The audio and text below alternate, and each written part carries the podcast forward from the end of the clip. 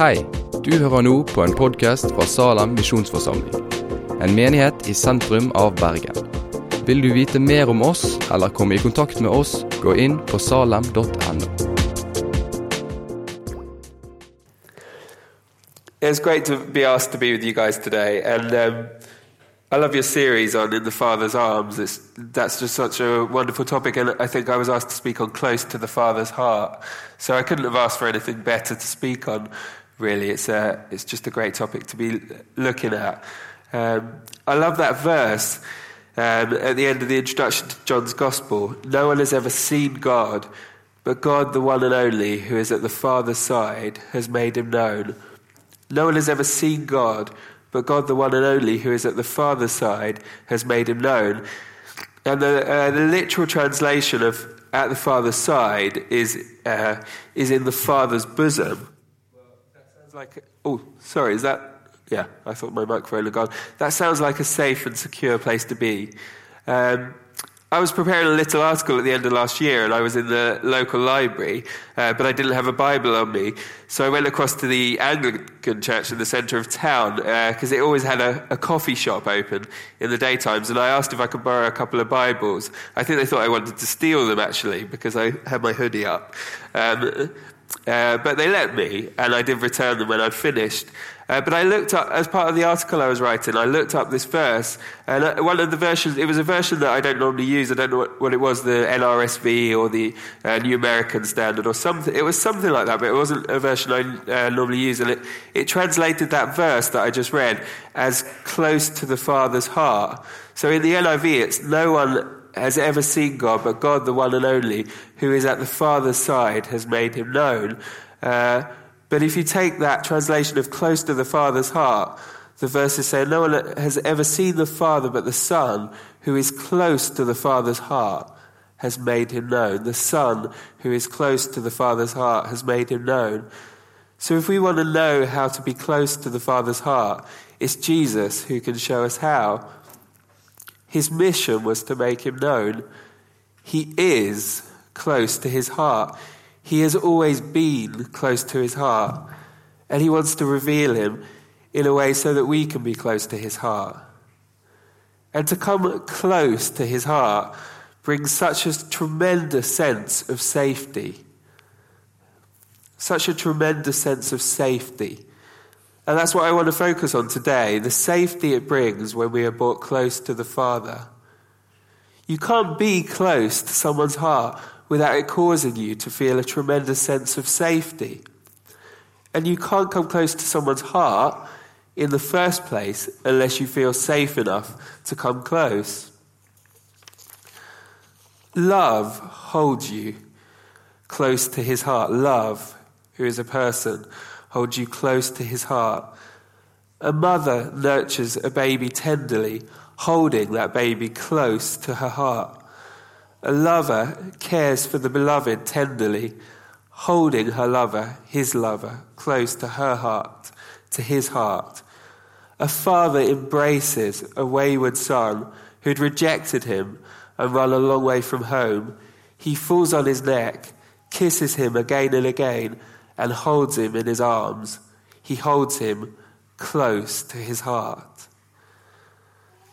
Love makes us safe love makes us feel safe. And being in an atmosphere of safety causes us to trust. Love causes us to feel safe, and safety causes us to trust.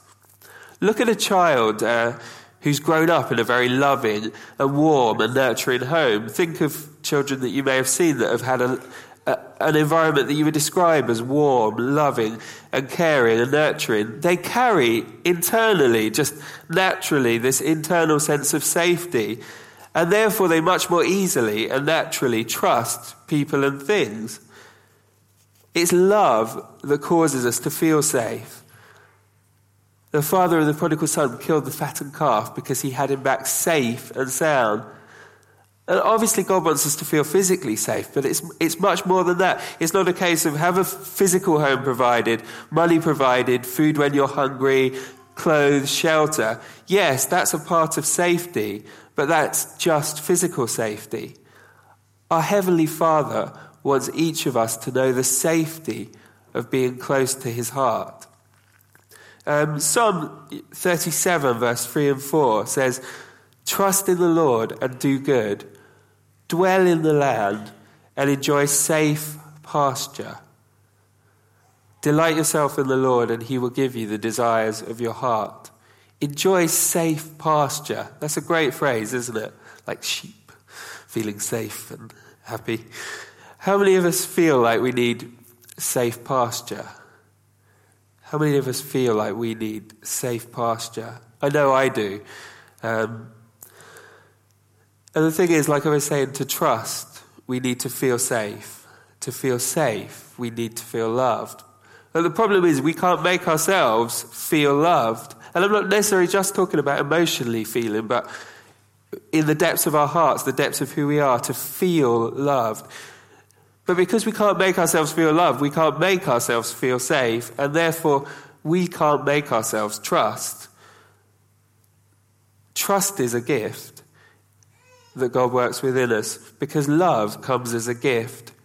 That verse that we started with, the one who is at the Father's side or close to the Father's heart has made him known. Made him known. Gift. Jesus makes the Father known, and Jesus heals our hearts and provides that sense of safety in revealing the Father to us. So, what do you do when you can't trust something? When there might be something for you that is the safest place in the world emotionally, but you just can't trust.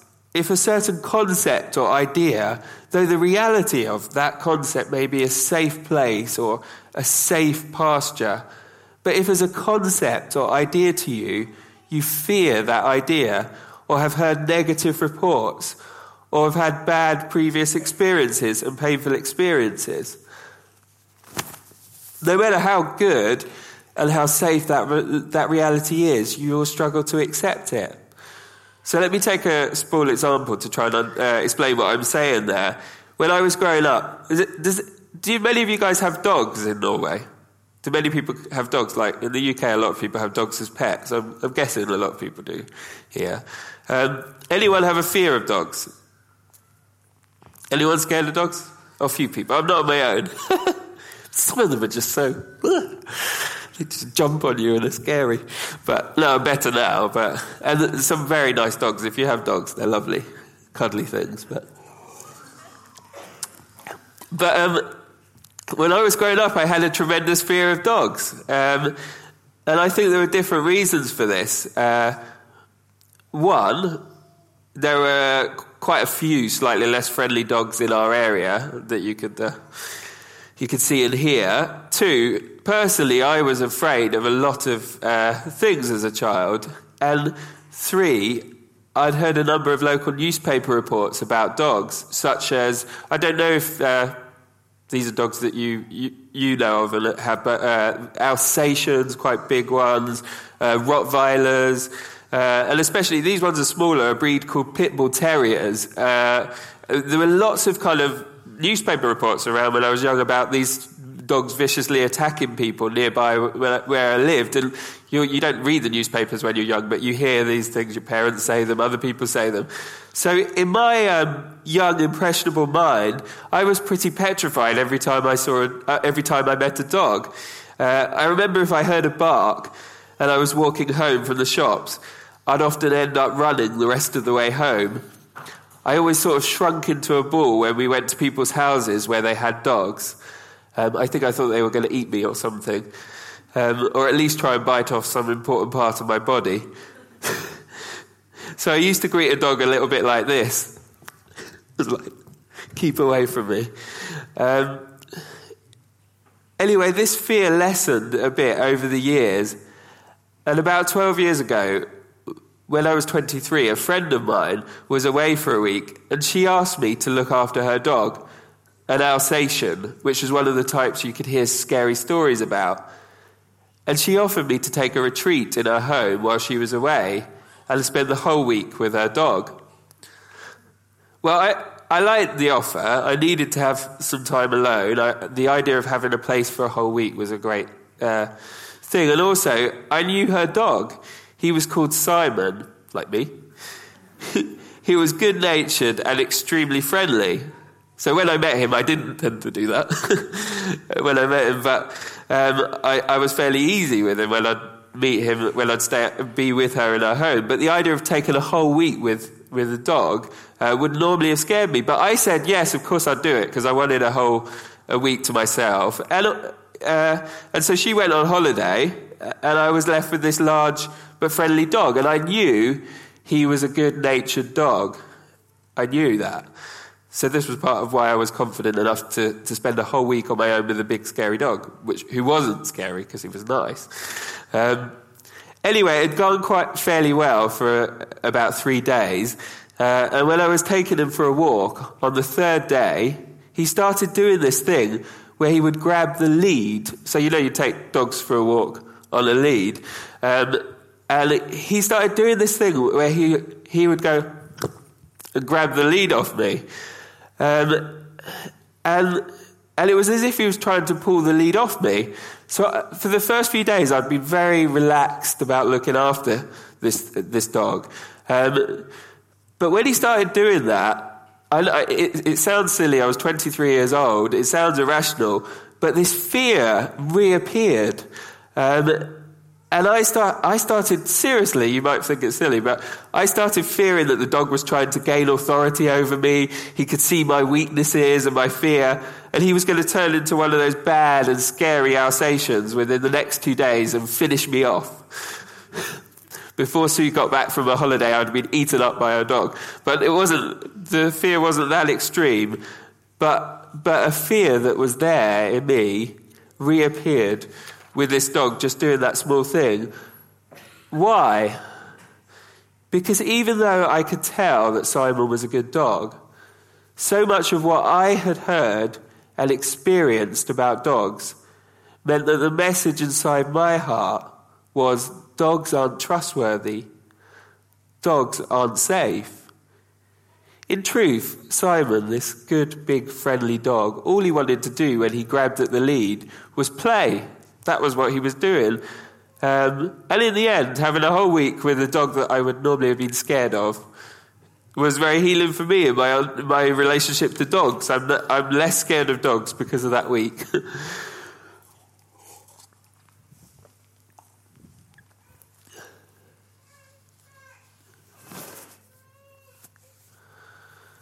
but what I wanted to say was what you have experienced in relation to a general concept affects your ability to relate to a reality that is related to that concept.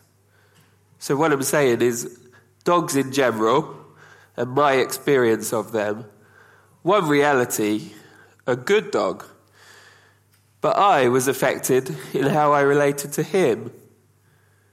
Dogs in general, my, exp- and uh, my experience of them, a reality, a good dog. But I was affected because of what was in my heart of how I related to him. Now, that's a small and silly example. But Father, who we're talking about this morning, is a reality, the central reality which Jesus has dwelled with close to his heart. Father is a reality. But Father is also a word that will have a lot of meaning to you depending on your experience surrounding that word. The same as my experience of dogs affected my ability to relate to that one good dog. He is a safe father, a good, good father. But the question is, and, and this can be a hard question to look, to look at, you might not be able to look at it this morning, and we can never be forced or rushed to look at this question, but the question is, what does father mean to you? Father means such different things to different people. For instance, you may have had a father who was good, intention, a good man at heart, and perhaps you never lacked anything physically a roof over your head and meals on the table, clothes on your body, perhaps even extras, holidays, games to play. In short, you might have been safe physically. But if you were safe physically, uh, but he was unable, for whatever reason, to express emotional love, to you. Uh, in Greek, the word phileo means expressed affection, and it's another word for love as well as agape, self giving love, which is sometimes used in Scripture. It's used in the Scripture about the Father Himself loves you. In John, uh, the Father phileo you, you to express affection, not just I sacrificially love you, but I express that love to you. So that's also an aspect of the love of God. And, and for many of us, we may have had really, you know, people we would describe as good fathers, uh, but they may have, in their own brokenness, been un- unable to express that love in an emotionally affectionate way, and therefore your heart will not have felt safe. And you will find it hard not to project onto God, like I did with dogs, that lack of safety that you may have experienced, and therefore the resulting lack of trust. It's very hard not to feel towards a God who calls himself Father what you feel towards your experience of an earthly father. It's very hard to, to not feel towards a God who calls himself Father what you feel towards your experience of an earthly father or father figures in general. But the point is, whether you had an abusive father, an absent father, a good but emotionally distant father, as I've been describing, or a really, really good, loving and caring and expressive father, all of us are missing something. Because all of us have been affected by the fall. When Adam and Eve lived in the garden, they lived in the complete safety of the Father's love. They lived in a perfect sense of safety in his love for them. So much so that they would not even have had a word for the opposite to safety strife, insecurity, anxiety, fear. They wouldn't have even had a word for that because they would never have experienced anything else. And we have to understand that when they, in the story, when they eat the fruit and sin, and when they need to leave the garden, this is a father's heart being broken for his children and for all the results of the fall that he knows are to come, and for the lack of safety that they will feel, that we feel, outside of living in the fullness of a father's love. That's what's happening at the moment of the fall of man. Although God never stops being a loving father in his heart, they're experiencing what it's like to be an orphan. They're experiencing what it's like to be fatherless. An orphan does not feel safe. But God's father heart calls out through the Old Testament. In Jeremiah, we hear the words, I thought you would call me father and would not turn from following me. His longing simply to love Israel When Jesus says to his disciples, I will not leave you as orphans, I will come to you, you we may dismiss that as pictorial language. But if, he's, if it's true, he said, the words I speak are not really mine, but the Father speaking through me. Then when Jesus says, I will not leave you as orphans, I will come to you, this is the culmination of the cry in the Father's heart, whose heart was broken in the Garden of Eden the heart of the father of the prodigal son who waited every day for his boy to return home. I will not leave you as orphans, I will come to you. In other words, I will not leave you unsafe. I will come to you. So if you do feel unsafe in this world, if you feel like you can't trust, the truth is you don't have to fix yourself. He will come to you. In Corinthians, we hear the words of God I will be a father to you, and you will be my sons and daughters. I will be a father to you. That's really good news. He can come and heal all the areas where, we, where you are wounded, where you don't feel safe, and where you feel like you can't trust. And He'll do it by coming and being gentle with you, God, I don't know your picture of God, but God is so, so gentle with us.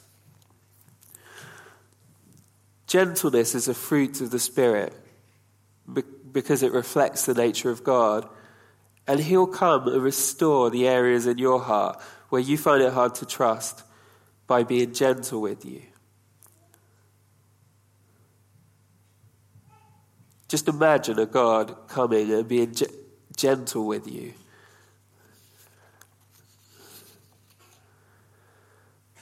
So often, that wasn't the picture I had of God. Uh, a God who'd be gentle with me, but a God who would uh, punish me for the smallest thing. And even though I heard opposite to that, um, yet somehow to get that into my heart that God actually wanted to deal with me in gentleness it's taken me years uh, of beginning to learn that, and I still think I'm learning it. But to know that God actually wants to relate to me through gentleness, that begins to restore in me the sense of safety and trust uh, that I've lacked for a lot of my life, and, and most of us, in one way or another, um, at a heart level, struggle to feel at, at peace in this world, um, and that's the result of of of the fall at work in us all. But this is what the Father's doing, and I think He's doing it in our day. It's so great that you've got a series on In the Father's Arms, is He's restoring this sense of knowing Him as a Father and being re- able to relate to Him as a Father. But that's always, that's who He's always been uh, from eternity, uh, and, and that's who Jesus dealt, dwelt with, the Father in His bosom, close to His heart. So just to, as we're finishing, to say we don't have to restore this sense of safety in ourselves. Jesus came to do it for us. We could not heal the break in the relationship with the Father. So essentially, he, he said, I'll come and share with you my relationship with the Father, where you can be loved with the same love Jesus is loved with. That's why the New Testament frequently refers to us being in Christ. We are incorporated into his relationship with the Father and participate with him in that relationship. It's not, when I'm saying that, it's not that your relationship with God is not unique. He relates to you as you and for you, not as if you were Jesus. He loves you uniquely for who you are, but you're incorporated into that relationship. What that means is it's not your effort that can enable that relationship, it's all grace.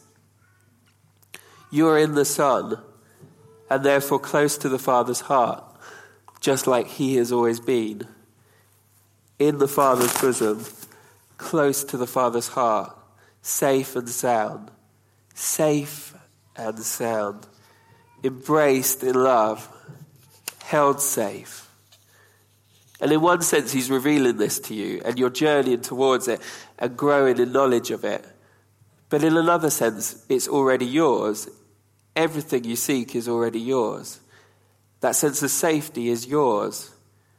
But you may need him, like that scripture, I will come and be a father to you. You may need him to be a father to you in your experience in order for you to know it. The truth is, He is being a father to you at every moment. He is loving you. The key is being able to open your heart to receive it. And even if you don't feel it, uh, it can sound like I'm saying it's always an experience, but a lot of the spiritual life is faith, and at times struggles where we don't feel God is present. But God works through experience and through those times as well. Uh, but by faith, whether through experience or whether times where God doesn't feel so close, you can receive that reality in your heart. He is always Father. He has always been Father. He never stopped being Father when Adam and Eve left the garden. All that meant that was that they were unable to experience Him as Father. Jesus has come to make a way, what to a way to heaven, I always thought of that verse when I was younger, but the verse says, and the way, the truth, and the life, no one comes to the Father except through me. Jesus is the way to Father. So the way is open to all that safety you've so needed, to that safe pasture which comes from being close to the Father's heart. Let's pray. Daddy, I just thank you that you love us uh, and that to you we're all little boys and girls who need love.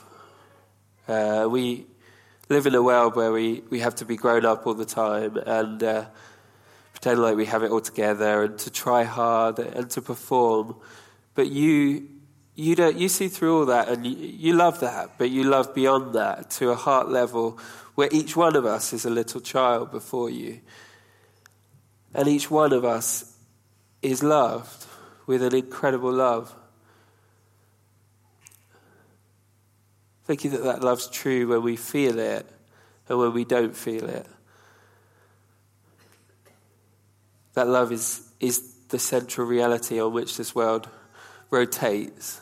And uh, without that love, not an, not an atom of the world would exist. That love is the love that enables us to get up in the morning, to look after our children, to go to work, to study, and that love's the love that sustains us. And that love is the love that if we've experienced difficult things in life, or if we just have a general confusion or struggle with life at times, that love is the love that's our hope and our sustenance. And I just bless your children, Father, in this room today. I bless them with a sense of safety and peace. And I bless them to feel close to your heart at all times and to know you, revealing yourself more and more to them as their loving Father who knew them and understood them uh, a long time before they began to know and understand themselves. So thank you that you're a wonderful Father. Thank you for uh, being with us today. Amen.